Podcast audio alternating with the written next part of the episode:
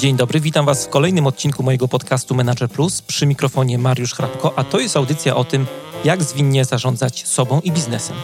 Jeżeli chcecie, żeby coś zmieniło się w Waszym życiu i czujecie potrzebę ciągłego szlifowania swoich umiejętności, zapraszam do słuchania moich audycji.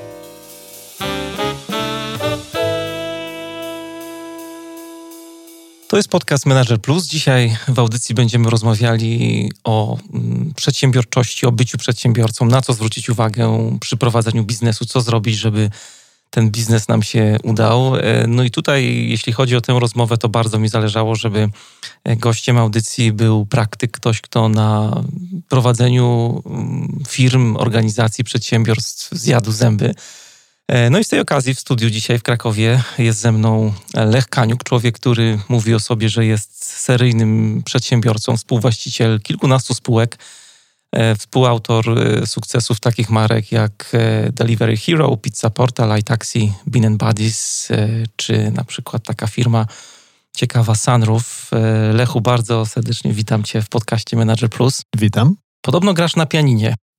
Zgadza się. E, wracam w sumie do, do grania. E, mhm.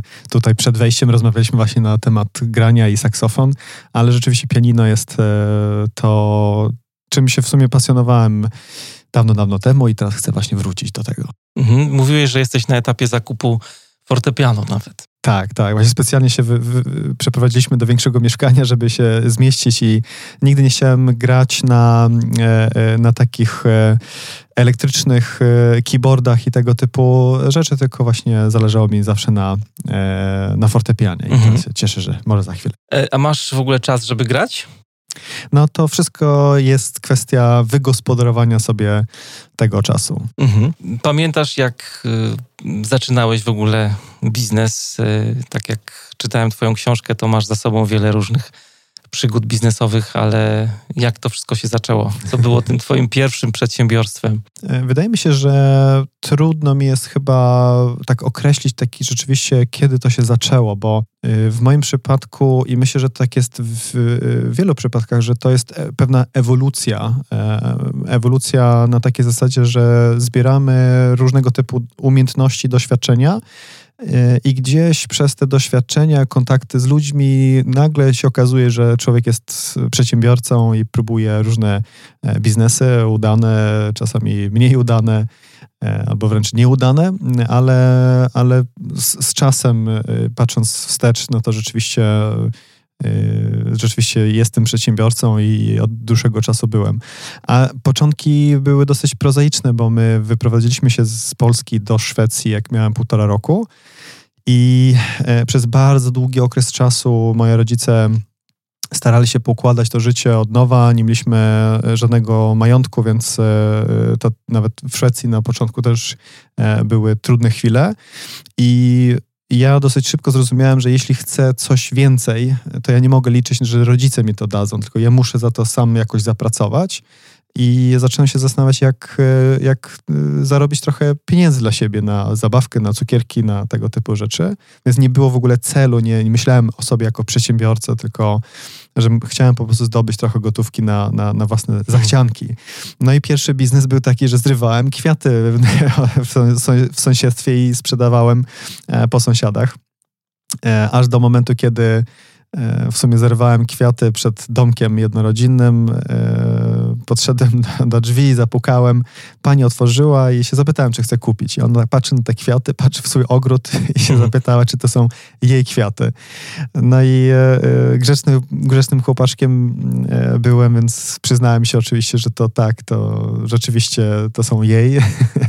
Zrozumiałem, że, że nie do końca tak powinienem zrobić, ale ta pani była bardzo e, bardzo miła, bo pani powiedziała, dobrze, to zapłacę to 5 koron, czyli przeliczając na jest 2 złote, ale nie rób tego więcej. No i tak się zakończył mój biznes, i, ale dało mi to do, do myślenia, że okej, okay, mogę, mogę zadziałać sam i rzeczywiście coś zdobyć i, i, zdobyć tą gotówkę, ale też muszę zadbać o to, żeby robić to poprawnie. I, i... Ale byłeś taką osobą, bo tak e, czytałem tą twoją książkę, tak jak ci dzisiaj nawet e, mówiłem, jak tutaj wędrowaliście do, wędrowaliśmy do, do studia, że dużo jest tam różnych takich historii, to byłeś taką osobą, która od małego niesamowicie kombinowała. Nie? Byłeś takim kombinatorem e, przedsiębiorczości, bo te kwiaty to jest tam taki mały epizod, od którego zaczynałeś, ale były i systemy przeciwpożarowe, e, był bar, czy tam restauracja Mustafa.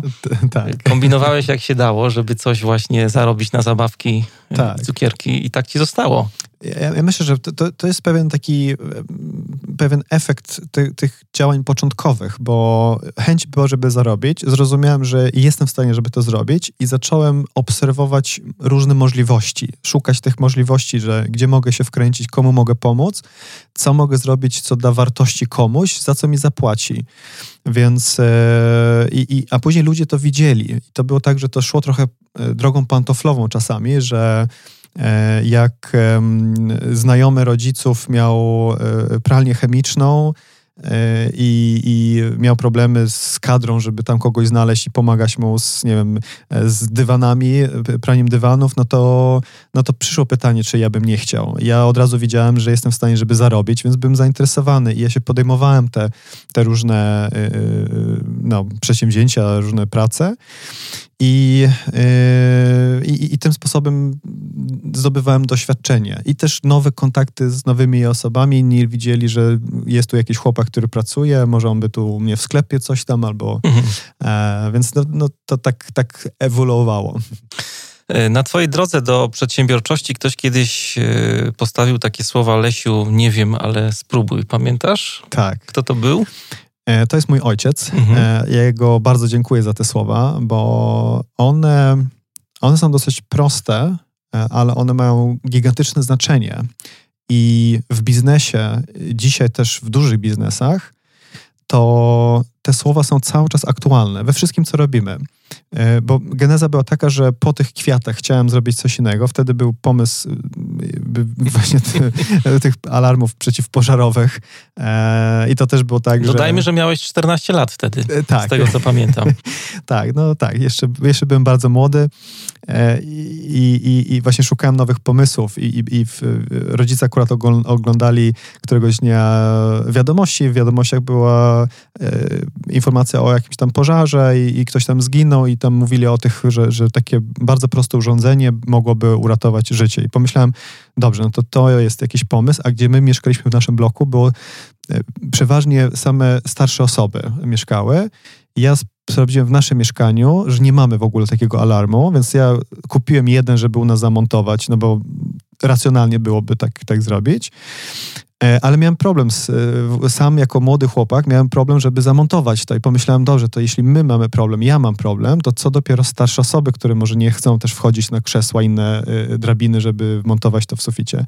I może taką usługę sprzedam, że nie tylko alarm, ale alarm z montażem. I, i, i, I, taka była geneza tego, I, ale szukałem właśnie, jak to zrobić. Pytanie było, jak ten biznes zacząć, od, od, od czego, no bo nie pochodzę z rodziny przedsiębiorców, sam no, byłem bardzo miło młody, jeszcze żadnych doświadczeń, więc y, najkrótsza ścieżka, pierwszy pomysł, który miałem, to jest zapytać się ojca. E, no to więc się zapytałem, e, co myśli o pomyśli, co powinienem zrobić. I mój ojciec właśnie odpowiedział wtedy, że nie wiem, ale spróbuj. I, i, i to zawiera w sobie, to pierwsza część, nie wiem, to jest y, to, to było takie, że, że, że zdaję sobie sprawę, czy zdałem sobie sprawę, że nawet osoba e, starsza, inteligentna, doświadczona może czegoś nie wiedzieć. Czyli ja też mam prawo czegoś nie wiedzieć, a po drugie pozwolenie, żeby jednak spróbować. I to było bardzo, bardzo, bardzo ważne, bo wtedy zacząłem właśnie próbować. I e, przekładając to y, na wszystkie inne biznesy i we wszystkim, co robimy, czy to są nowe produkty, czy to są nowe kampanie marketingowe, to my dzisiaj ładnie to nazywamy AB testowanie, mhm. AB testing. I to nie jest nic innego niż postawienie sobie hipotezy, może to zadziała, ale nie wiem, więc spróbuję. E, więc de facto y, my to powtarzamy wszędzie. E, więc to, to rzeczywiście były takie słowa, które miały ogromne znaczenie dla mnie i zrozumiałem, że muszę, że, że nie zawsze muszę wiedzieć, ale warto spróbować. I, I to jest też taki efekt później, jak, jak właśnie się prześledzi, co robiłem, że bardzo dużo rzeczy e, próbowałem. A stawiałeś w tej swojej drodze do przedsiębiorczości właśnie na metodę prób i błędów, czy, czy uczyłeś się od kogoś zarządzania? Masz jakichś swoich mistrzów e, przedsiębiorczości? Y, wydaje mi się, że raczej nie miałem mistrzów, o których się dużo uczyłem przez dłuższe okresy czasu. Były osoby, które mnie bardzo inspirowały. Myślę, że jedna osoba, która mnie przez długi okres czasu inspiruje, to jest Richard Branson. E, no to jest powiedzmy taki idol biznesowy, gdzie czuję, że kulturowo myślę, że, że podobnie, że myślę, że bym się dogadał z Richardem. A tak to ze, ze wszystkiego e, się można dużo nauczyć I, i, i to też jest coś, co właśnie przez te próby i błędy e, zauważyłem, że nawet jak coś się nie udało, to już wiem, że okej, okay, nie powinienem to robić w tej kolejności, albo z, z takimi osobami, albo w taki sposób. Więc yy, wszystkie próby były jednak wartościowe i nawet bym powiedział, że praca w pizzerii, praca y, y, w, bo też w biurze pogrzebowym dorabiałem, też jeździłem samochodem i, i, i jeździłem... w kościelnym też. W kościelnym też byłem. E, to znaczy w, w, w, tym zakładzie pogrzebowym, gdzie w sumie jedyna moja rola to była y, w dużym uproszczeniu, że jechałem po zwłoki, e, po trumny. I albo po, po, rzeczywiście, jak ktoś na przykład e, gdzieś zmarł, to też jechałem z, e, tutaj z pracownikiem i my zabieraliśmy to, to, to ciało ze sobą. I tam był taki, taki, taki moment, gdzie ja chciałem po prostu zamknąć tą klapę bagaż, bagażnika i, i pojechać. Byliśmy na takim, no w takim miejscu, gdzie tam raczej nikogo nie było, w sensie takim, że to, to był domek gdzieś, na, gdzieś daleko. Tak nie wydawało mi się, że, że muszę coś innego zrobić, niż po prostu zamknąć i pojechać. A, a wtedy właśnie ten, ten szef, który ze mną był, powiedział, że nie, musimy, że, on chce ukłonąć się przed zamknięciem klapy i trzeba to zrobić godnie e, i odjechać bardzo spokojnie. I on powiedział, że, że nawet jeśli nikt nie patrzy, to powinniśmy się zachowywać profesjonalnie.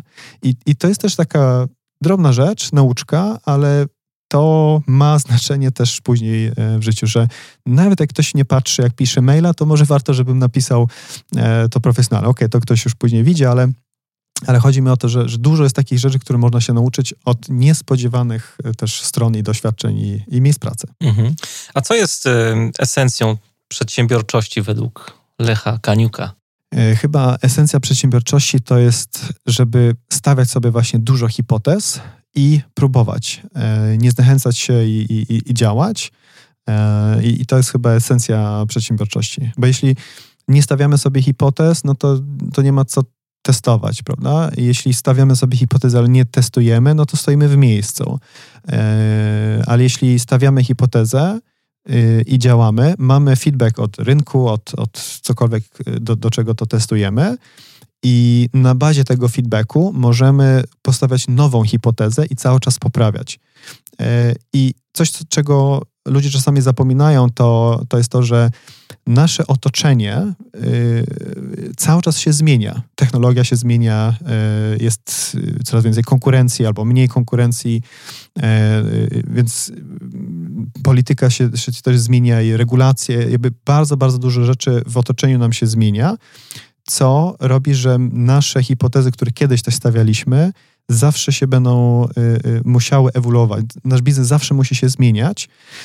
I y, to zresztą też jest dużo badań, które też pokazuje, że, że Fortune 500 y, spółki największe mhm. w Ameryce to, to Niewiele z nich, y, które były największe 50-100 lat temu, w ogóle istnieją dzisiaj. Więc y, cały czas y, nasze otoczenie się zmienia, więc my ciągle musimy postawiać nowe hipotezy i ciągle musimy na bazie feedbacku też ewoluować i próbować i działać dalej. Ty byłeś z tego, co słuchałem różnych wywiadów z tobą, jak się przygotowywałem do tej rozmowy, też fascynatem tej metody Lean Startup Y, która dotyka tematu właśnie weryfikacji hipotez, o którym tutaj kilkakrotnie już powiedziałeś, y, ale też w książce znalazłem takie jedno słowo, które mm, nazywa się backlog.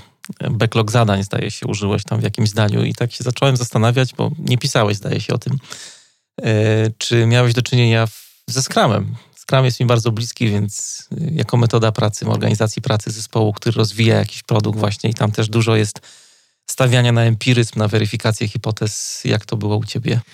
E, u mnie było tak, że dużo rzeczy się złapały w procesach i, i, i, później też się okazało, że, że można je nawet nazwać, nazwać je Scrum, można nazwać je Lean Startup, e, ale to nie było tak, że my od początku znaliśmy takie pojęcie i, i tak działaliśmy. To trochę po prostu wyszło. E, czasami wydaje mi się, że w naszym przypadku Lean Startup wyszedł z tego, że po prostu brakowało nam środków nie stać nas było na to, żeby zrobić super produkt i dopiero wtedy wyjść na rynek. Musieliśmy zrobić mikroprodukt e, z najbardziej podstawową funkcjonalnością, bez super designu i, i, i, wyjść na rynek i zobaczyć, czy ten rynek rzeczywiście to, to chce. Później się okazało, że, że jest taka metoda i ona się nazywa Lean Startup. E, dlatego też w sumie zacząłem czytać bardzo dużo książek, bo E, e, zauważyłem, że my dużo, dużo zrobiliśmy praktyką i próbą i błędów, ale też w książkach jest bardzo dużo wiedzy, które można sobie uzupełnić. E, więc no i, i dzisiaj ze Scrumem, no to w kilku spółkach technologicznych jest zespół techniczny i oni pracują często właśnie w, w Scrumie. Mhm. Ty jesteś taką osobą, która E, ma takie znamiona wizjonera, tak jak się śledzi to, co robiłeś, mm, to pojawia się tam dużo różnych pomysłów, e, dużo zaangażowania w różnego rodzaju projekty, prace, firmy, spółki. Mm, wizjonerzy mają to do siebie, oprócz tych różnych takich e, fajnych rzeczy, jak właśnie elastyczność, jak taka kreatywność, takie myślenie trochę też strategiczne, patrzenie z lotu drona E, no to wielu wizjonerów e, ma taką tendencję, że lubi rozpoczynać różne fajne rzeczy, ale później ich nie kończą. To jest taki trochę długi ogon wizjonera. E, I chciałem Cię zapytać właśnie, jak to jest u Ciebie, bo tych pomysłów u Ciebie się przewija bardzo dużo. Czy masz też taki drive do realizacji, czy tylko jakby rozpalasz ogień? I na tym się to kończy. I znikasz do kolejnego pomysłu, bo coś innego cię pochłoniło, na przykład Sunroof, nie? Firma. E, rzeczywiście trochę tak jest. E, powiedziałbym, że ja też poznałem swoje właśnie słabe strony, czyli, czyli moja słaba strona byłaby rzeczywiście taka, że oprócz tego pomysłu, to później go doprowadzam do samego końca ale chyba udało mi się przekuć to mm, trochę w e, właśnie w, w, w, swoją przewagę albo, albo można by powiedzieć metodę, pracę. E, mianowicie ja wiedząc, że nie jest, że mnie nudzą po prostu projekty po jakimś czasie, i, e, ale wiem, że trzeba je też do, do, dociągnąć, to zacząłem uzupełniać siebie zespołem, który jest mniej wizjonerski, a bardziej taki, który do, do, dokończy różne projekty. Myślę, że też e, zrozumiałem, że ja nie mogę tylko wymyśleć coś i rzucić komuś ten pomysł i to już będzie się realizowało, więc też się nauczyłem, że jednak jestem w stanie, żeby rzeczywiście rozpocząć projekt i go bardzo daleko pociągnąć, ale, ale raczej, raczej potrzebuję wokół siebie budować zespoły, które, które będą też je, je, je dalej realizować. E, wiem też, że, że czasami mam zbyt dużo pomysłów i, i nie ma po prostu mocy przerobowej, żeby wszystkie testować, weryfikować, i tu już nawet komunikuję z zespołami, bo czasem jest tak, że to jest pomysł, nie wiem, na kampanię marketingową albo jak sprzedawać w nowy sposób. I, I wiem też, że zespoły też mają swoje ograniczenia i mocy przerobowe, więc um, ja informuję mój zespół, że ja potrzebuję czasami po prostu wyrzucić to z siebie, żeby mnie to nie chodziło po głowie. I, i rzucam to do teamu pomysł jakiś, ale też, żeby oni nie rzucali wszystko i zaczęli to realizować, bo, bo też jestem bardzo świadomy tego, że żeby być efektywny, y, to trzeba mieć też, trzeba się skupić i trzeba działać. Y, I, i, I, czasami trzeba działać nad pewną rzeczą przez dłuższy okres czasu. A jak cały czas byśmy skakali na różne pomysły, no to, to, to nigdy nie zweryfikujemy czegoś, więc to, to jest rzeczywiście taka symbioza pomiędzy teamem, który mocno potrafi realizować, ja, który ich uświadamiam, że nie muszą wszystkie pomysły od razu robić, e, i, i, gdzie jednak te pomysły mają źródło e, u mnie. Słucham cię z takim dużym zaciekawieniem i z taką też refleksją gdzieś w tyle głowy, że e, bardzo tak transparentnie opowiadasz e, nie o tym, co jest też taką dobrą stroną ciebie jako przedsiębiorcy, lidera, ale też mówisz otwarcie, jawnie o tych takich y, słabych stronach. Dzisiaj liderzy, no nie wszyscy właśnie mają e, taką odwagę, żeby mówić też o swoich słabych stronach, zwłaszcza w kontekście zespołów, a żyjemy w takich czasach, gdzie jest kultura jednak jawności taka dość mocna w organizacjach, transparentności. Jest to duży problem w ogóle w pracy z, z zespołami. Nie? Tak. Znaczy, wydaje mi się, że ja mam więcej do wygrania, jeśli jestem otwarty z, z moimi słabościami, bo wtedy zespół wie, gdzie mnie wesprzeć e, i mnie zrozumieć też. I, i, I wtedy ta otwartość e, buduje dużo mocniejszą, moim zdaniem, relację. Mhm. E, I, i, więc to, to ja się tego nie boję, bo, bo, bo nie, ma, nie ma na świecie osoby, która byłaby idealna, która by wszystko potrafiła i, i, i tak. No, no nie ma takiego przykładu, po prostu. E, I, I w związku z tym ja też nie muszę się wstydzić tym, że ja mam jakieś braki i zresztą w budowaniu zespołach chodzi właśnie o to, żeby uzupełniać te braki, więc, więc to, to jest moim zdaniem bardzo istotny element, żeby być świadomy swoich plusów, minusów e, i e, są też różne podejścia, prawda? Bo można powiedzieć tak, dobrze, to jeśli to jest mój minus, to ja będę nad tym pracował i będę go poprawiał i teraz e, będę lepszy w tym, w tym obszarze. Ale moim zdaniem ja wolę w obszarze, gdzie jestem słaby, odpuścić i w obszarze, gdzie, gdzie jestem dobry, być doskonały. Mhm. I, I tam, gdzie jestem słaby, uzupełnić kimś, kto jest tam bardzo dobry. I wtedy rzeczywiście zaczynamy budować e, fajny, skuteczny zespół. Ale też cenne jest to, co powiedziałeś a propos tej równowagi. Mnie się też tak wydaje, jak e, tak pracuję na co dzień z liderami, z zespołami, że no, trzeba unikać w zarządzaniu, w przywództwie takich przegięć, takiej nadmiarowości trochę, nie? No bo tak jak powiedziałeś, jesteś wizjonerem, jesteś świadomy tego, że możesz w pewnych aspektach przegiąć i, i, i, jakby odsłonić tą swoją ciemną stronę, w tym sensie, że właśnie idziesz cały czas za wizją i bardzo szybko zmieniasz zdanie, ale to, co powiedziałeś, że szukasz zespołu, który cię zrównoważy, nie? to jest też, już abstrahując od roli liderów, ale też w zespołach są takie sytuacje, że masz na przykład zespół, który pracuje z klientem i, i, bardzo kładzie duży nacisk na empatię, na taką relacyjność, ale brakuje na przykład wizji albo y, takich y, jakby struktur też w pracy, nie? Czyli mm, jak nie ma wizji, no to nie ma kreatywności, nie? To ludzie wtedy bardzo sztampowo reagują, idąc za procedurami, za checklistami i tak dalej. Więc tak. taka równowaga też przy budowaniu zespołów, to o czym tutaj dotknąłeś, tak. chociaż na poziomie właśnie lidera czy, czy, czy, czy menedżera, ale też na poziomie zespołu jest bardzo ważna. Absolutnie, to, bo można zejść, e, nazwijmy to poziom niżej i weźmy na przykład dział sprzedaży jako przykład. Jeśli mam firmę, która coś sprzedaje, no to też ja muszę się zastanowić, w jaki sposób ja najlepiej zorganizuję swój dział e, sprzedaży. I e, i, trzeba zrozumieć, jakie role te osoby w dziale sprzedaży y, mają mieć. Jak w jednej spółce, gdzie rzeczywiście miałem bardzo rozbudowany dział sprzedaży, to miałem e, e, od teamu, który robił tylko i wyłącznie lead research, tylko, tylko więc analityczna praca na tego, żeby budować bazę potencjalnych klientów, to szło do działu, nazwijmy to Hunters, e, do działu sprzedażowego, który miał domykać te kontrakty.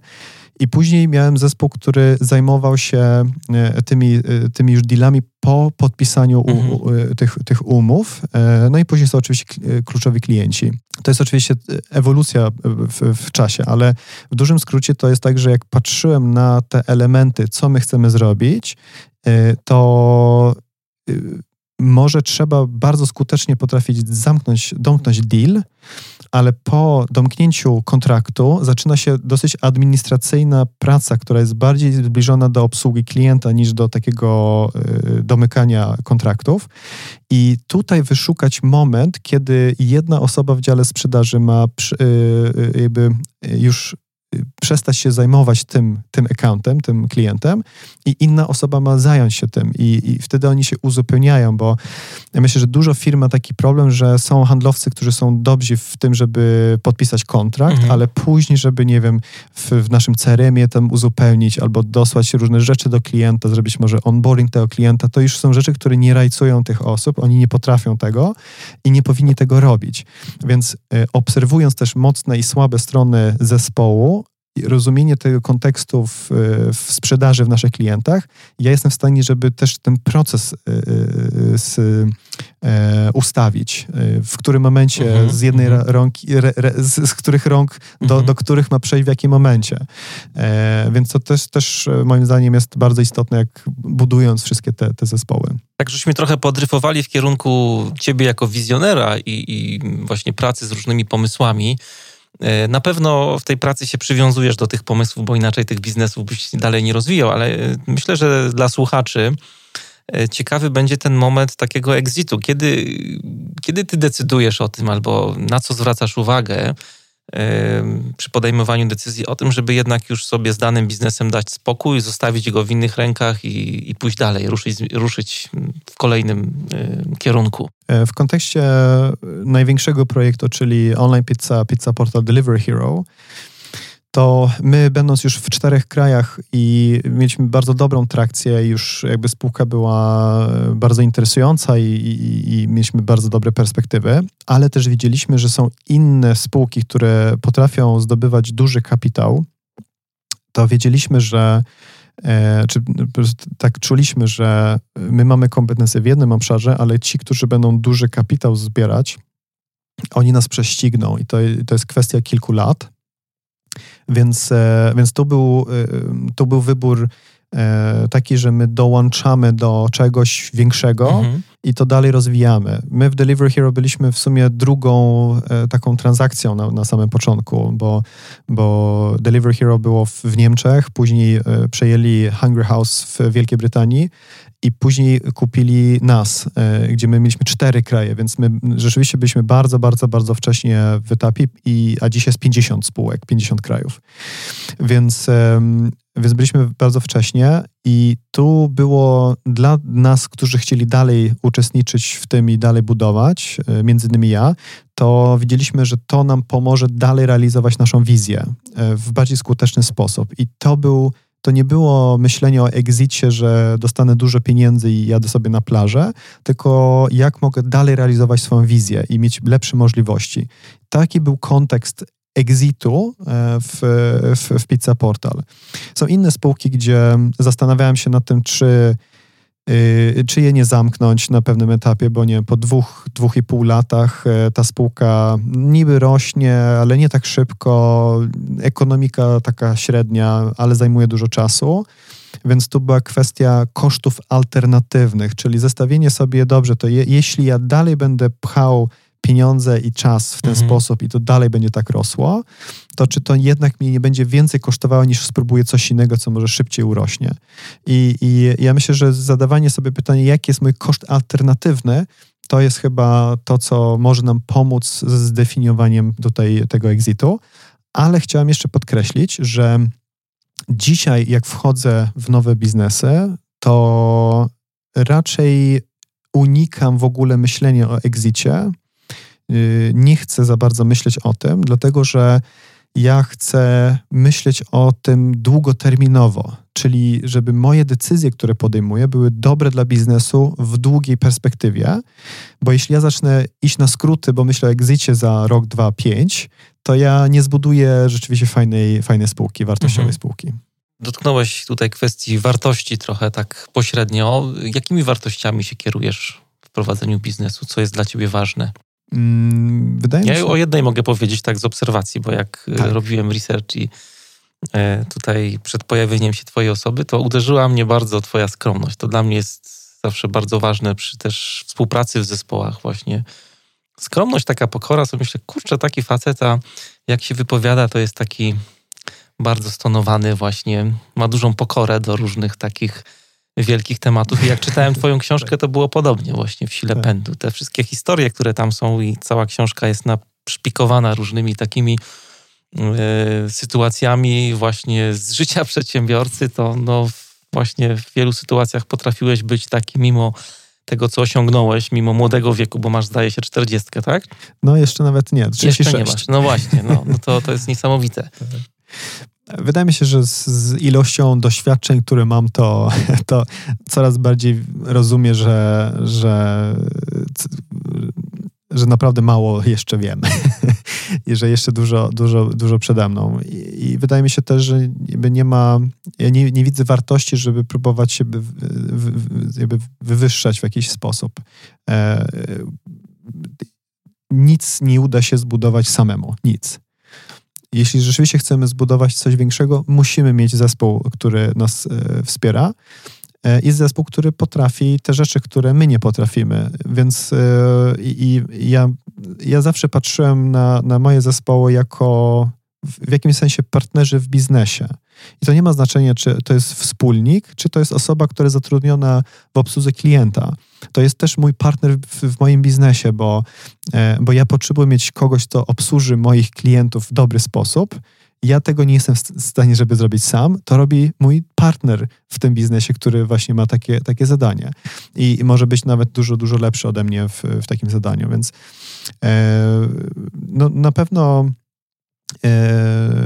na, na pewno też e, duża otwartość. E, pracuję w, w, z ogromnym zaufaniem też w moich zespołach.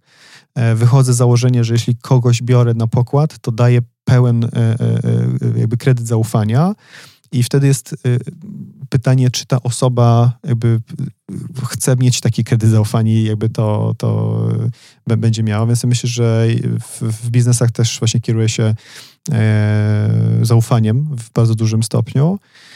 E, I to też jest w ogóle temat, który jest bardzo ciekawy, ale, ale można powiedzieć, że, że no dobrze, komuś zaufam, ale ktoś mnie oszuka i tak dalej, ale moim zdaniem to, ile zaufanie przyspiesza działanie w biznesu, nadrabia potencjalne, potencjalne straty. E, I, e, no i wydaje mi się, że, że e, budowanie czegoś wartościowego dla tych, którzy też są w tym zaangażowani, to, to chyba są te, te różne elementy. Przejawia się w tym, co mówisz, temat zespołu, ludzi, dobierania ludzi. Chciałem trochę podpytać właśnie o mm, rekrutowanie takich pracowników. E, w kontekście lidera i jego wartości. No bo tak jak mówisz, jesteś człowiekiem, który ma pewne wartości gdzieś tam takie, którymi żyje, którymi się kieruje, którymi prowadzisz też e, spółki, firmy. I lider te wartości jakoś próbuje przelać na organizację, nie? Chce jakoś stworzyć takie środowisko, które by te wartości respektowało. E, liderzy też jakby wyznaczają granice rozwoju organizacji. To też jest taka rzecz, o której nie wszyscy są świadomi.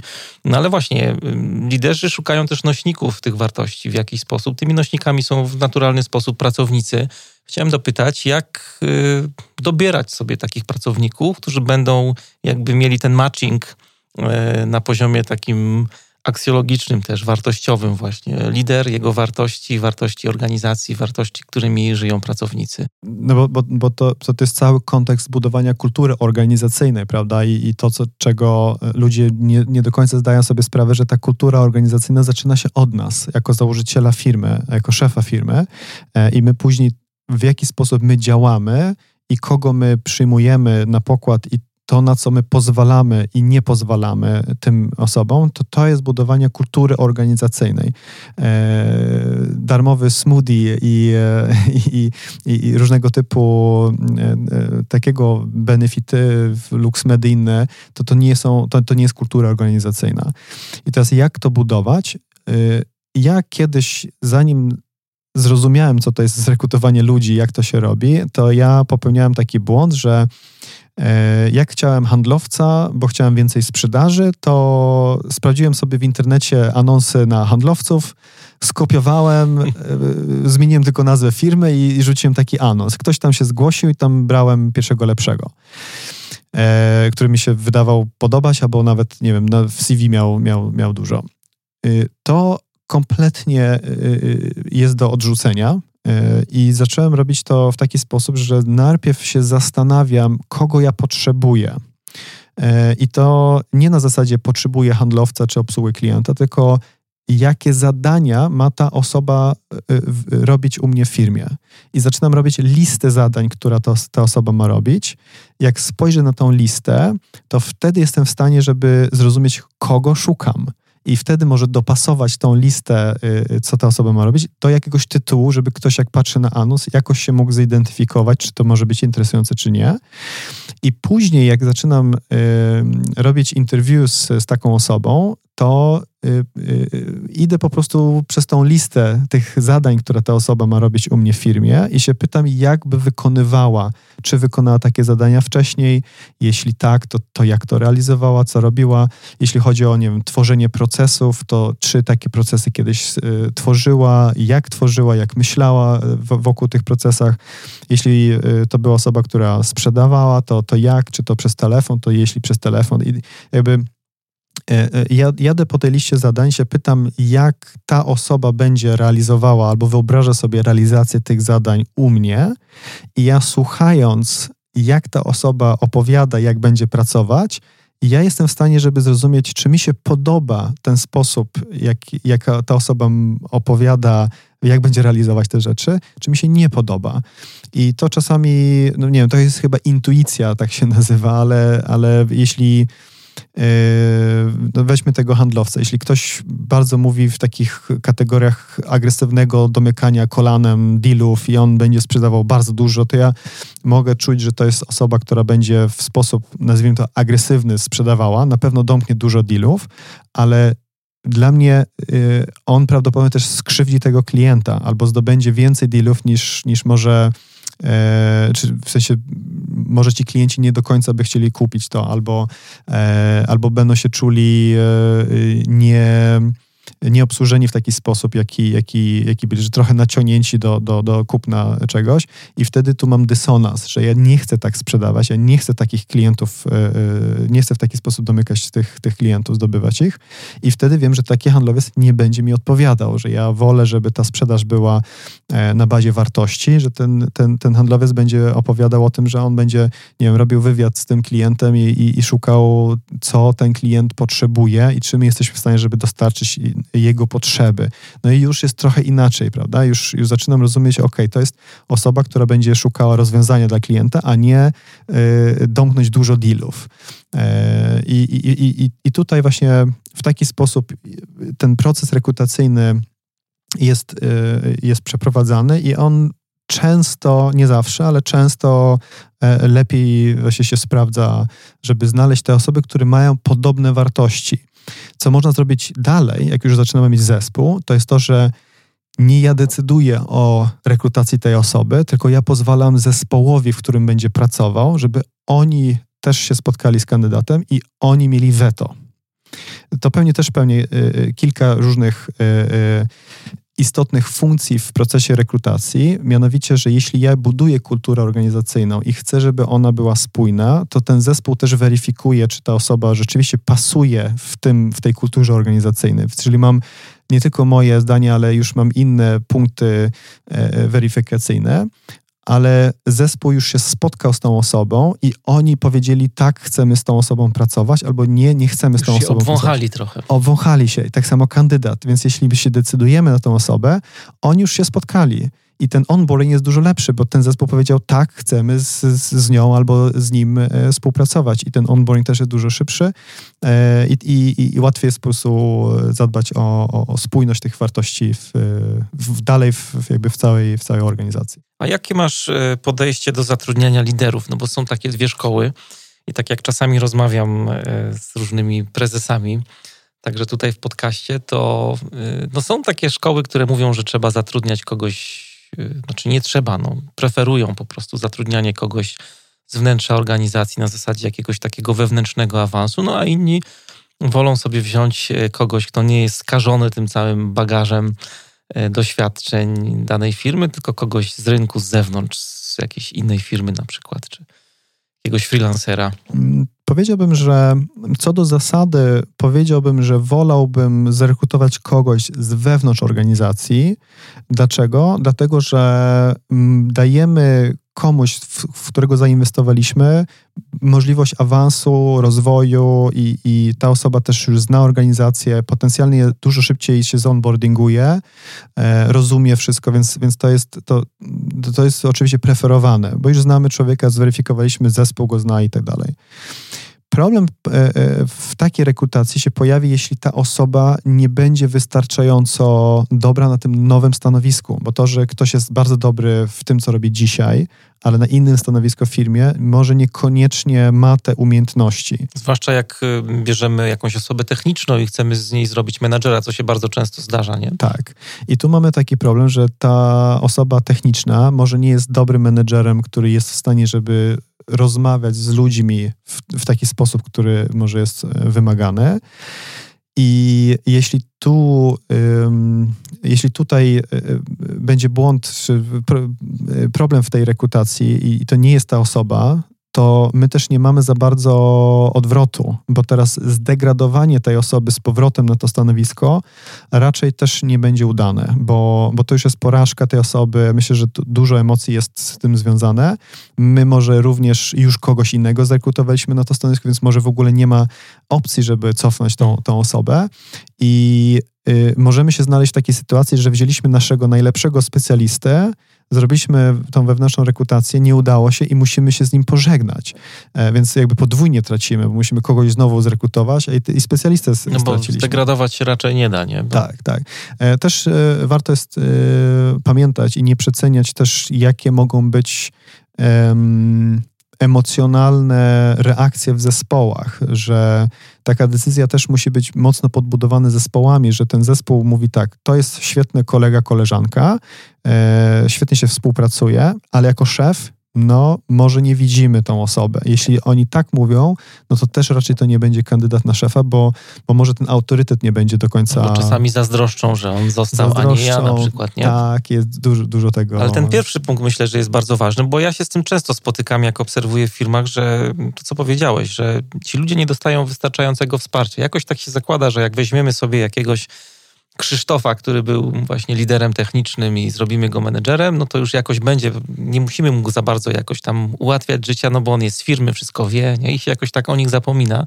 A to, co powiedziałeś, jest e, tutaj bardzo cenne, żeby właśnie tym ludziom umożliwić tą pracę. Jednak jest trochę co innego, nie? Zarządzanie tak. ludźmi, a bycie ekspertem technicznym, człowiekiem, który się zna na danej działce, rozwiązuje trudne problemy i tak dalej. Tak, I, a, ale my też, y, my też czasami musimy zrozumieć, że ludzie może czegoś szukają, ale to może nie jest do końca to, bo, bo nie zawsze wiemy, czego de facto chcemy. Y, I to może być tak, że komuś wydaje się, że chce być, nie wiem, szefem, ale to kompletnie nie jest e, to, bo jeśli taki, powiedzmy ten Krzysztof mhm. E, jest osobą techniczną bardzo zdolną, to może on nie chce mieć pracę nietechniczną, administracyjną, HR-ową. On może chce być specjalistą dalej w tej technologii, może on chce być liderem projektu, a nie szefem firmy czy, czy, czy działu. E, I, I, też myślę, że mm, je, jeśli szukamy i patrzymy na tych kandydatów, warto jest spróbować też y, wgryźć się głębiej, żeby zrozumieć te bodźce prawdziwe, bo nie zawsze, tak jak mówię, to nie chodzi o to, że ktoś chce kogoś oszukać, ale czasami po prostu sami nie wiemy, czego chcemy i myślimy, że my to chcemy. Ale może po zagłębionych rozmowach wyjdzie, że jednak ten Krzysztof chce dostać jakiś projekt pod siebie i realizował jakiś swój własny pomysł, a niekoniecznie brał cały zespół na siebie. Rozmawiamy sobie o kulturze organizacyjnej, o tym, jak dobierać ludzi do tej kultury, jak zatrudniać liderów. E, jednym z takich elementów e, dość istotnych jakby w prowadzeniu firmy są spotkania, prowadzenie tych spotkań. Mnie się bardzo długo wydawało, że to jest tak trywialne, że nie trzeba o tym mówić, ale ostatnio e, coraz więcej widzę w firmach takich sytuacji, jak bardzo dysfunkcyjne są nasze spotkania. No, często się mierzę z wyzwaniem w postaci na przykład nieużywania laptopów na szkoleniach. Jak mówię niektórym osobom właśnie widzę, jaki to jest problem dla nich, żeby nie używać laptopa w trakcie szkolenia. Nawet niedawno wpadłem na taki artykuł a propos efektywności spotkań i, i autor przytaczał mm, takie amerykańskie badania, które mówiły, że gdzieś 20-30% uczestników spotkań co pół godziny wysyła po kilka maili y, naraz. Kiedyś też miałem w firmie taką sytuację, że taki menadżer chwalił się tym, był dumny z tego, że on się zapisuje na trzy spotkania i później sobie wybiera, na którym spotkaniu chce być, które jest fajniejsze. Więc y, mimo, że to jest takie w sumie proste, to jednak wcale w praktyce te spotkania nam tak dobrze nie wychodzą. Jaki masz pomysł tak. na to? Y, jakie praktyki stosowałeś w swoich organizacjach, żeby tak nie było jednak? No rzeczywiście tutaj znowu to jest bardzo budowanie kultury organizacyjnej, e, na co pozwalamy, na co nie pozwalamy. I jedna rzecz, która, którą trzeba zdać sobie sprawę, i to też trzeba zakomunikować, bo czasami jest tak, że my jako właściciele firmy mamy myślenie też e, w pewnym sensie ekonomiczne dotyczące tego, co my robimy i żeby zasobami e, dobrze zarządzać. Ale pracownik, który nie ma styku z finansami i nie myśli o, o rentowności biznesu i tak dalej, nie widzi siebie też jako, jako zasoby, które kosztują. I e, więc warto jest pomyśleć o tym, że i też komunikować do, do ludzi, że każde spotkanie i ludzie, którzy tam są, to ile takie spotkanie kosztuje, bo każda godzina tego człowieka jest, e, kosztuje i teraz jest pytanie, czy rzeczywiście tam wszyscy potrzebowali być i tak dalej. E, więc to jest jakby pierwsza, e, pierwsza rzecz, którą zwracam ludzi uwagę na to, e, żeby oni się zastanowili, czy rzeczywiście wszyscy, którzy są zapraszani na te spotkania, potrzebują być na tym spotkaniu. E, I to jest związane z tym, jaki charakter ma też to spotkanie, bo czasami my też mylimy spotkanie robocze od e, spotkania informacyjnego. Możemy mieć spotkanie, gdzie chcemy poinformować ludzi, wtedy może warto jest e, mieć więcej osób, którzy muszą wziąć udział w, w tym, ale jeśli chcemy podjąć decyzję, to weźmy tylko osoby decyzyjne na tym spotkaniu, może eksperta, który może nam uzupełnić i, i, podjąć, i po, pomóc podjąć decyzję, ale nie bierzmy wszystkich w całym dziale.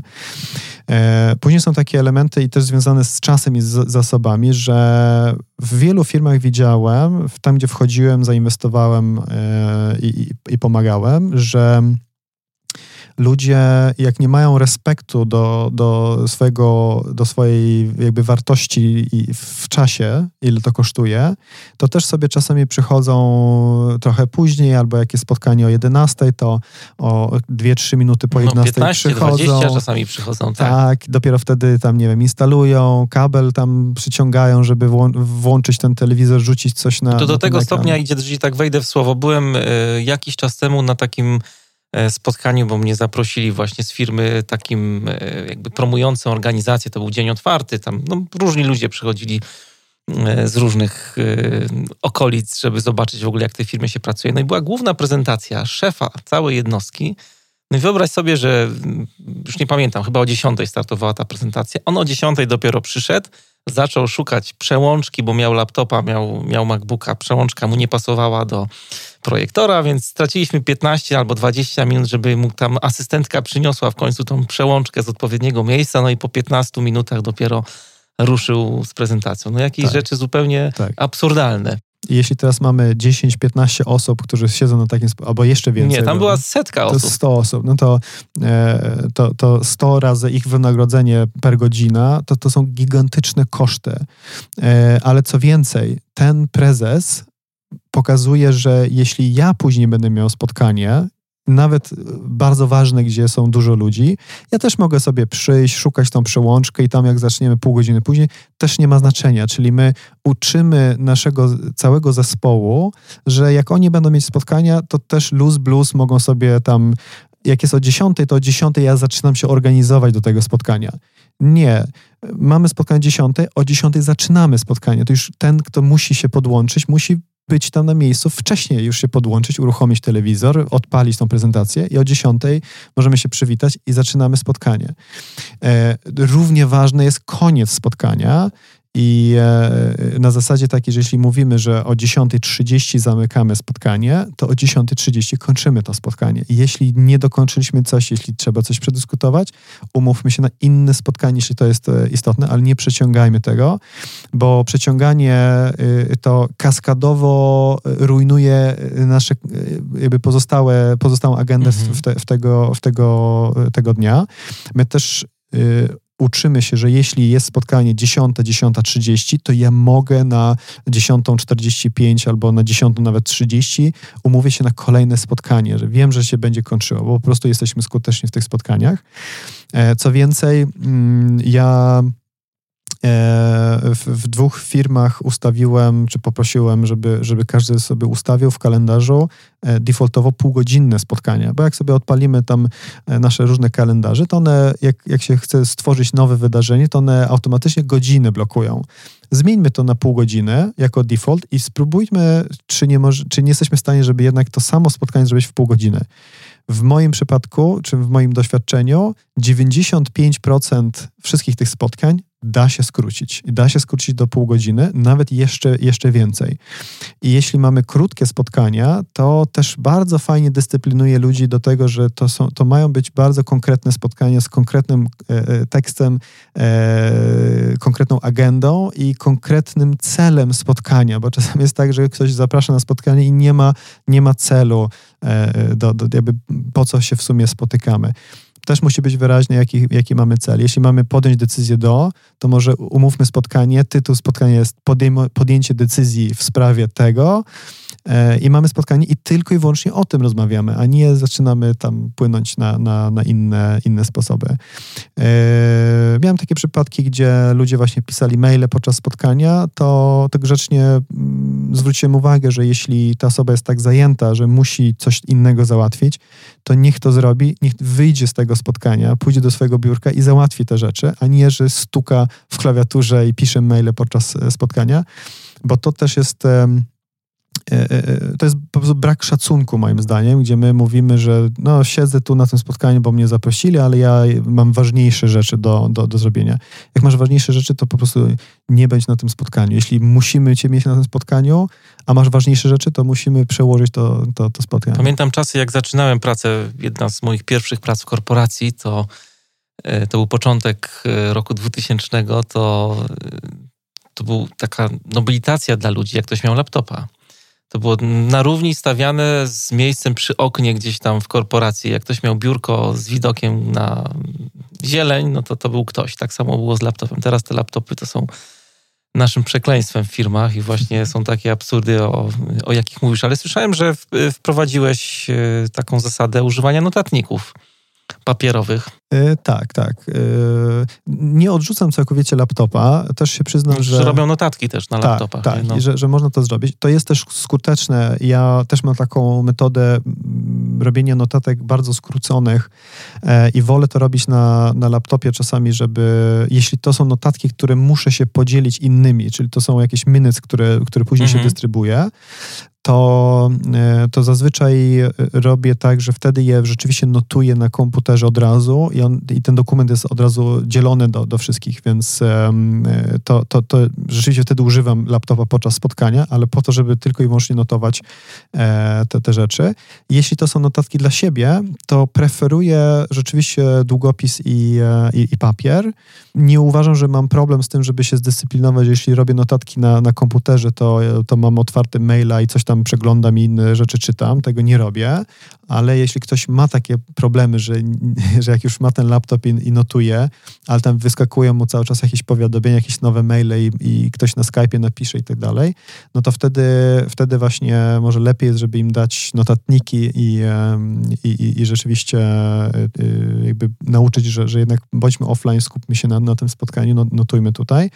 I rzeczywiście przejąłem stery jednej spółki, gdzie gdzie trochę tak było, że ludzie, wszyscy siedzieli z laptopami, wszyscy mieli różne notyfikacje powłączone i widziałem, że nie piszą tylko notatki, ale robią też inne rzeczy, więc wtedy dałem po prostu wszystkim... No jak zareagowali? Jestem ciekawy na nie, taki to, pomysł. To, to, to, był jasny sygnał też, czego ja oczekuję, że jak mamy spotkanie, to bądźmy na tym spotkaniu obecni. Eee, I, I, to było dobrze przyjęte. I zresztą cieszyli się, że mieli no, notatnik z logiem firmy, który no, zresztą całkiem fajnie wyglądał. Eee, więc więc to, to bym powiedział, że są takie kilka takich elementów, które jeśli chodzi o spotkania są, są istotne.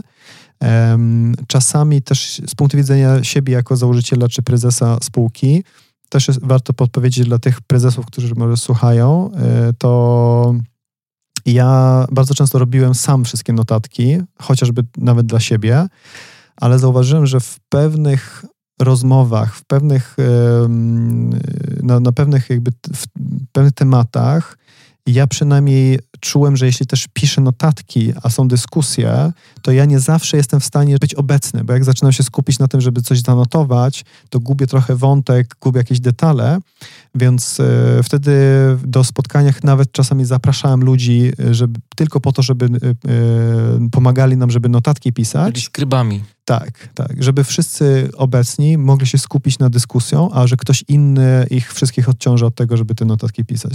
No to już są takie wyjątkowo trudne, powiedziałbym, e, spotkania, ale to też jest e, taki protip.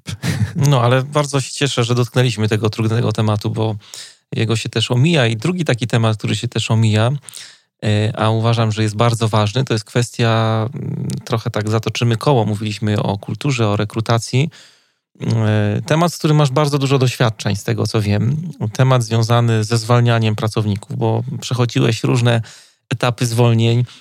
Były to zwolnienia wynikające z tego, że osoby były niedopasowane do stanowiska, były zwolnienia związane z kosztami, z tym, że się zmieniała strategia, były zwolnienia ludzi, którzy pracowali od początku w firmie, ludzi świeżych, były zwolnienia Y, grupowe, kilkaset osób nawet zwalniałeś. Y, czego ci to nauczyło? Jakie lekcje wyciągnąłeś z tego y, trudnego doświadczenia? Z drugiej strony rzeczywistości, która bardzo mi się podoba taki cytat z Petera Druckera, który mówił, że no, zwalnianie to jest jeden z podstawowych obowiązków liderów który po prostu no, należy do naszej pracy. Powinniśmy to robić tak czy siak. Nie, nie powinniśmy tak. unikać tego tematu w żaden sposób.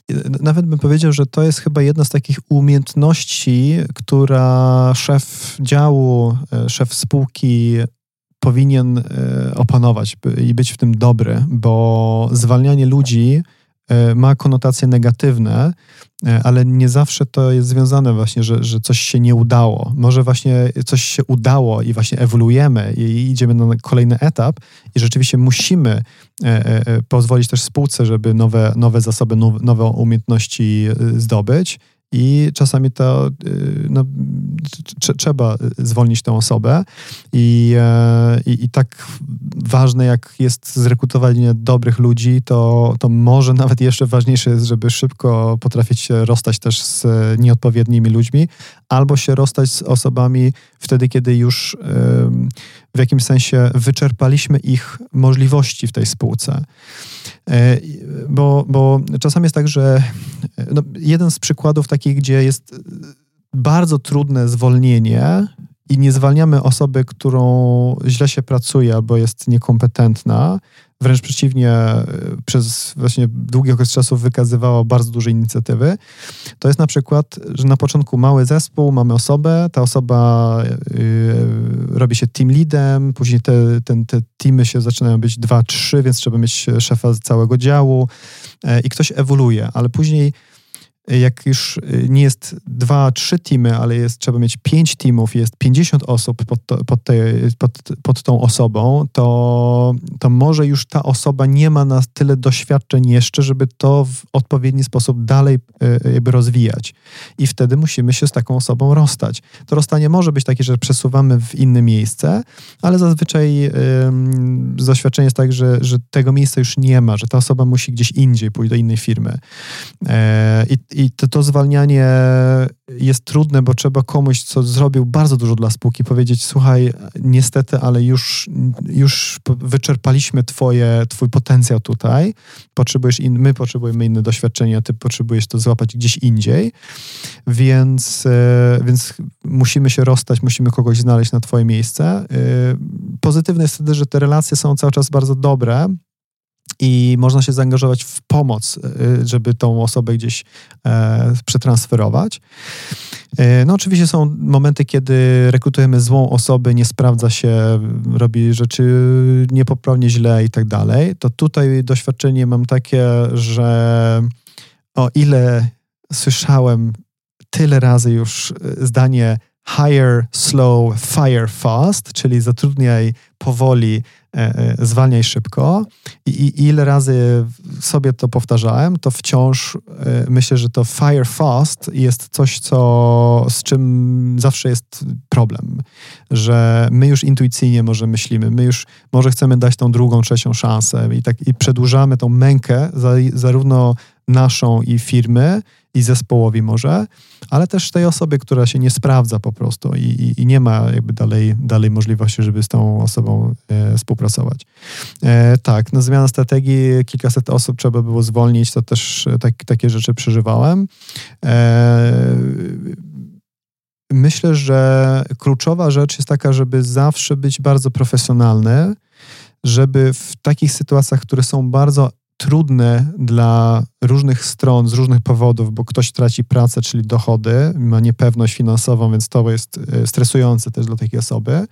E, może prestiżowo, że, że jednak nie udało się i tak dalej, jakiś wstyd i tak dalej.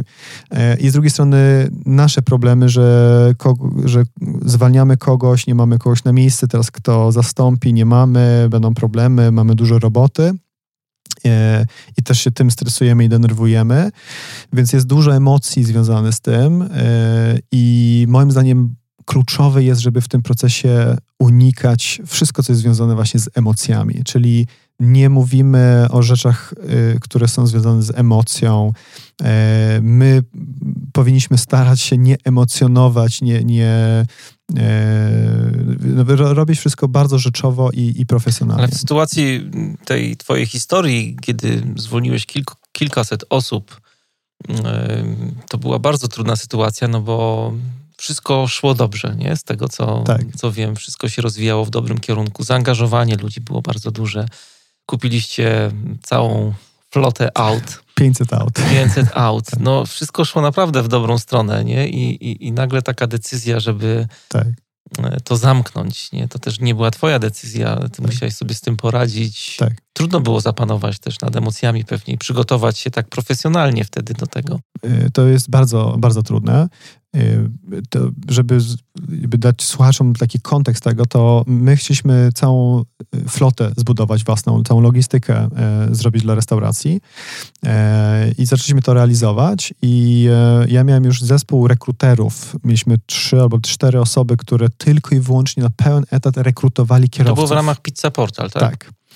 E, zamówiliśmy 500 samochodów, 100 już było na rynku, kolejne 100 się oklejało, było ten, jest 300 w fabryce się, się, się e, robiły.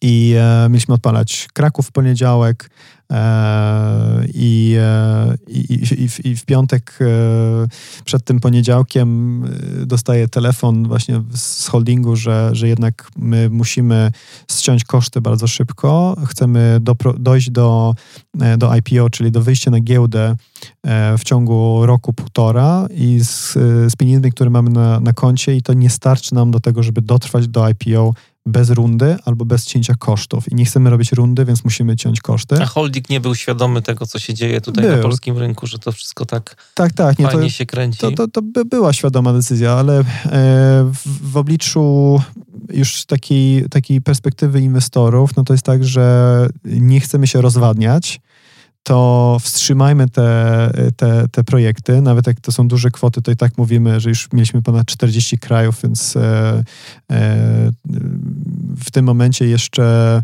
no tam chyba z ponad 700 milionów euro już pozyskaliśmy finansowanie. To jakby kwoty, e, które Kosmiczne. Są, są kosmiczne, prawda? I z punktu widzenia holdingu, jak mówimy o takich kwotach, to nawet jeśli mówimy o 500 samochodach razy 80 tysięcy, czyli kilkadziesiąt milionów złotych, e, e, czyli powiedzmy, nie wiem, 10, 10-20 e, milionów euro, w kontekście 700 milionów, to, to, jest, to, no tak. to jest istotna kwota, ale, ale też nie jest to coś, co wywala wszystko, prawda? Więc, e, więc możemy sobie pozwolić na to, żeby wstrzymać, zamknąć i e, zrobić jakąś później, za rok, dwa, jak wyjdziemy na giełdę, zbierzemy pieniądze z giełdy, żeby uruchomić ponownie taki projekt. E, ale z punktu widzenia tej lokalnej spółki i tych ludzi, to to jest katastrofa totalna. No i taka decyzja, e, taki telefon dostałem w piątek e, o północy e, i że mamy w poniedziałek zamknąć wszystko. Zamiast odpalać Kraków, to, to, to zamknąć wszystko. Bo że to się nie da. No i tam walka zaczęła, zaczęła być o to, żeby jednak to może przetrwało. Więc też przyjechałem do Krakowa, do Imposta, do Rafała Brzoski, zadzwoniłem się, zapytałem, czy może Impost nie chciałby też, żebyśmy paczki szybciej dostarczali. To było tuż przed tym, że Impost też miał swoje kłopoty więc tu się nie udało zrobić deal. Też skontaktowałem się z E, Przemkiem Budkowskim, który był dyrektorem Allegro i powiedziałem, że może same day delivery możemy zacząć robić, żeby złapać lepszą ekonomikę, żeby jednak to ktoś albo przejął, albo żebyśmy złapali ekonomikę w tydzień i jednak spróbowali to uratować. E, no ale wtedy też Allegro było w, w procesie M&A-owym, Naspers kupował, więc oni też mieli tutaj prawdopodobnie, no nie mieli szansy, żeby, żeby coś podjąć, więc próbowaliśmy to bardzo szybko ratować, próbowaliśmy przez pierwszy, powiedziałbym, prawie tydzień nie informowaliśmy pracowników o sytuacji, tylko i wyłącznie e, tych kluczowych, e, żeby jak już poinformujemy o, z, o, o, o, złej sytuacji, która jest, żeby nie tylko powiedzieć o złej sytuacji, ale też powiedzieć, co my robimy, żeby ją naprawić, tak, żeby e, też pokazać, że coś działamy, że jest perspektywa, żeby nie po prostu rzucili kluczami, zostawili samochody i, i, i gdzieś pojechali. E, I po tygodniu musieliśmy jednak poinformować, jaka jest sytuacja. Poinformowaliśmy, co próbujemy robić i że jedyna szansa dla nas, żeby to rzeczywiście miało sens i ktoś chciał to przejąć i, i, i dalej to realizować, to jest to, że, że nie opuszczą firmę, że dalej zaczną, dalej realizują zamówienia, bo wtedy mamy co przekazać impostowi albo Allegro, albo jakimś tam e, e, podmiotowi.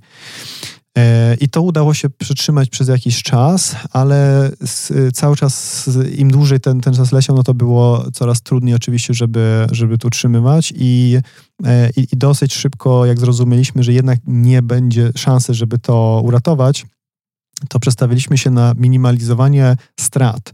I minimalizowanie strat też są finansowe, ale strat w postaci ludzi. Na, na takiej zasadzie, że ja zatrudniłem ludzi, chciałem ich, przycinałem do, do swojego zespołu i chcieliśmy e, coś zrobić razem. I oni zaufali i przyszli i, i zaczęli realizować i, i, i, pracowali. I w takiej sytuacji też trzeba y, im pomóc, żeby oni nie byli na tym zbyt stratni. Więc ten zespół rekruterów zmieniliśmy na team, który pomagał kierowcom, żeby znaleźć inne prace w, w głównej mierze to było tak, że oni dzwonili do restauracji i pytali się, czy nie chcą kierowców, przejmować kierowców i tak dalej, więc pomagali z tym. E, a dla tych, którzy nie chcieli tego, a chcieli gdzieś indziej szukać e, pracy, to ten zespół rekruterów też pomagał z CV, z coachowaniem, jeśli ktoś chciał, dotyczący jak e, rozmawiać z pracodawcą, więc fokus był na to, żeby później właśnie ratować tych ludzi i minimalizować e, straty. W dużej mierze to się udało. E, I z tego jestem naprawdę bardzo zadowolony, że, że w taki sposób to, to, to udało się zrobić. Część przejęło kilku kierowców i samochodów, założyli własne firmy dostawcze, które obsługiwali restauracje. No i, i to, było, to było trudne tu kluczowe moim zdaniem było takie, żeby nie skupiać się nad problemem i jaka to jest szkoda i, i kto, kto jest głupi, który podejmuje taką czy owaką decyzję i, e, jak to mogłoby być i ta wizja, bo trzeba się pogodzić z sytuacją i trzeba skupić się nad rozwiązaniem problemu, e, i po rozwiązaniu wszystkiego, wtedy można złapać trochę czasu na retrospekcję, ale to było kluczowe, żeby załatwiać wszystko. I tutaj e, Tutaj Martin, który, który był szefem floty, też muszę, podziwiam go, że on do samego końca e, dotrwał i, i, i też wszystko załatwił w super profesjonalny sposób. I to też pokazało, że mimo takiej sytuacji, mimo tych, tych rzeczy, ja później z Martynem w kolejnym projekcie chciał ze mną znowu się przeprowadzić do innego miasta, znowu chciał ze mną współpracować. Tam pracowaliśmy kilka lat. E, i może... On nie był Polakiem, rozumiem, tak? On był Polakiem, on Polakiem. z, z Trójmiasta, mhm. więc pr przeprowadził się do Łodzi, po tym projekcie wrócił do Trójmiasta, a później go ściągnął do Warszawy i teraz zobaczymy, czy go do czegoś innego jeszcze... Byliście trochę jak George Clooney w filmie w chmurach. tak. Tam są też bardzo dobrze pokazane te procesy zwolnień, takich większych. Tak. Ważne jest też, żeby nie przeciągać. Jak mówimy o takich zwykłych już, e, bo to, okay, to są masowe i bardzo specyficzna sytuacja, ale jak mówimy o bardzo y, zwykłych zwolnieniach, to moim zdaniem trzeba być bardzo przygotowany do tego, trzeba wyjaśnić, z jakiego powodu uważamy, że e, jakby ta, ta osoba nie jest odpowiednią e, jakie, jakie są powody. Trzeba przy, mieć przygotowane e, papiery, nie wchodzić, nie, nie dawać też osobie jakieś nadzieje, że, że może, to tylko trzeba być bardzo zdecydowanym i mówić w konkretnym, w, kon, w, w konkretach i że to jest decyzja podjęta mhm. i tak dalej. E, mieć papiery gotowe i, i, i nie przedłużać, bo przedłużanie to nikomu nie służy. Wspominałeś, że dużo czytasz. E, chciałem zapytać, jaką książkę najczęściej dajesz ludziom w prezencie ostatnio? Jedna z książek, którą... Oprócz swojej. Oprócz mojej. E, dobrze. Jedna z, jedna z takich książek, którą dałem dla wielu osób, to jest y, Kto ukradł mój ser. Mhm. Y, to jest y, tego samego autora jak One Minute Manager. E, fajna książka, mm, bardzo krótka i to jest, nadaje się do rozdawania dla, dla wielu osób. Mm, rozdałem bardzo dużo książek, ale, ale myślę, że z racji tego, że dużo czytam, to jestem też w stanie, żeby dobrze dopasować książki, więc chyba z takiej ilościowej to jest chyba ten, kto ukradł mój Przeroby masz z tego, co wiem, bardzo duże. Kilkadziesiąt książek rocznie sobie postawiłeś taki cel, tak? 60, 70? Yy, no, postawiłem cel, że chcę tysiąc książek przeczytać biznesowych i w ogóle, tak? W ogóle, tak. Mhm. I, a później zobaczę, co, co to znaczy. Może zrobię wtedy coś. Gdzie jesteś teraz na tym suwaku, na tej e, linii? no, jestem na początku, dopiero przeczytałem e, około 160 książek, odkąd zacząłem liczyć, e, ale czytam mniej więcej 50 książek rocznie. Tak. Bo czytasz takie biznesowe głównie książki. Głównie biznesowe. Co robisz, żeby zostało coś po czytaniu takich książek? Robisz jakieś notatki? Bo tam jest tyle treści czasami, że nie wiem, ja na przykład bez notatek i różnych tam zakreśleń przyklejanek to nie daje rady. Tak, też kreślę, też zaznaczam, też piszę w książkach, dlatego też wolę fizyczne książki i dlatego też nie pożyczam swojej książki nikomu i też nie zostawiam je, więc tworzy się do, do, dosyć duża biblioteka e, i potrafię wrócić do książek. Jeśli pamiętam, że czytałem o czymś, teraz jest aktualny ten temat i, i pamiętam, że coś było dobrego, ale chcę sobie odświeżyć, to rzeczywiście e, wtedy wracam do tych książek. Czasami jest tak, że jak coś przeczytam, to od razu, bo z racji tego, że mam zaangażowanie w kilku różnych spółkach, to czasami mogę zacząć próbować implementować pewne rzeczy bezpośrednio, więc to, to też jest jakieś coś, co się przekłada od razu i, i te doświadczenia wtedy już zostają. E, więc e, no tak, tak mniej więcej to, to wygląda z tym czytaniem. A propos dawania książek w prezencie, jeszcze nawiążemy trochę do tego, to e, dzisiaj jest szczególna okazja, bo książkę, którą y, będziecie mogli otrzymać. Aż trzy książki są przeznaczone na taki prezent. Y, w ramach konkursu w podcaście Manager Plus będzie książka gościa Lecha Kaniuka, z którym dzisiaj mam dużą przyjemność rozmawiać. Książka Siła Pędu. O czym jest ta książka, jakbyś w paru słowach mógł powiedzieć? Książka jest podzielona w trzech częściach. Pierwsza część to jest taka autobiograficzna, bym powiedział, że od, od e, właśnie moich początków, jak e, moja ścieżka tworzy, e, jak ewoluowałem jako młody przedsiębiorca, do momentu, kiedy zaczęliśmy tworzyć online pizza. I później online pizza to był od projektu, nazwijmy to studenckiego, bez kapitału startupu, do to, co dzisiaj jest Delivery Hero, który jest wart ponad 5 miliardów euro na giełdzie w, w Niemczech, 40 kraje, ponad, e, ponad kilkaset tysięcy restauracji, to z tego bardzo dużo się nauczyłem i w mentoringowaniu innych startupowców, e, w rozmowach z innymi przedsiębiorcami e, jest dużo rzeczy, które się powtarza. W sensie ludzie mają te same problemy albo się zastanawiają nad tymi samymi rzeczami i zrobiłem ekstrakt 14 e, różnych rzeczy, które dzielę się na bazie właśnie tych doświadczeń, jak skalowaliśmy ten biznes od, od w sumie zera do, do 5 miliardów. E, a trzecia część to opisuje właśnie ten cały ten, tę, tą historię dotyczącą jak zaczęliśmy skalować naszą flotę i później jak walczyliśmy o tą flotę. Trochę jest spoiler, że, że, że tutaj jednak e, e, były zwalnianie masowe i tak dalej, ale e, ale nie chodzi o to, żeby tą historię jakoś tam e, robić spoiler, ale chodzi o to, żeby pokazać też e, wiele różnych innych mechanizmów, które są również i w bardzo dużym biznesie. Myślę, że tym spoilerem raczej zachęciliśmy do czytania. Ja bym tak zrobił, słuchając naszej rozmowy, żeby sięgnąć jednak po książkę, bo tych historii jest tam całe mnóstwo. Czyta się bardzo przyjemnie. E, mówiłem Lechowi, że połknąłem tą książkę bardzo szybko, jak jakiś dobry kryminał, więc e, duży, duży szacun w kierunku autora. E, to powiedzmy jeszcze, co trzeba zrobić, żeby wygrać książkę. Należy odpowiedzieć na pytanie, czym dla ciebie jest siła pędu? Tak, e, czyli na Wasze odpowiedzi czekamy tradycyjnie w komentarzach pod e, dzisiejszym odcinkiem na stronie mariuszchrapko.com. E, konkurs potrwa do czwartku, a w piątek ogłosimy wyniki. Mm, do wygrania są, przypomnę, jeszcze trzy książki, a więc wylosujemy trzech zwycięzców. Książki są opatrzone autografem autora. Wszystko już widziałem i sprawdziłem, także nie ma ściemy. A dodatkowo jeszcze dla osób, które mm, no nie wygrają konkursu, bo y, im się nie uda, to mamy taką e, dodatkową propozycję, że gdyby chciały zakupić książkę e, gościa dzisiejszego odcinka, to jest przewidziane 30% rabatu na hasło MP z dużych liter. E, no i ten rabat jest ważny do 30 września 2019 a książki możecie kupować na stronie e, silapendu.pl, bez EU oczywiście, silapendu.pl. Tam jest cała książka, e, cały landing page e, poświęcony właśnie tej publikacji. To jest podcast Manager Plus. Dzisiaj moim i waszym gościem był Lech Kaniuk, seryjny przedsiębiorca, współwłaściciel kilkunastu spółek, współautor sukcesów takich marek jak Delivery Hero, Pizza Portal, iTaxi, Bean Buddies czy Sunroof. Lechu, bardzo dziękuję za dzisiejszą rozmowę. Dziękuję bardzo.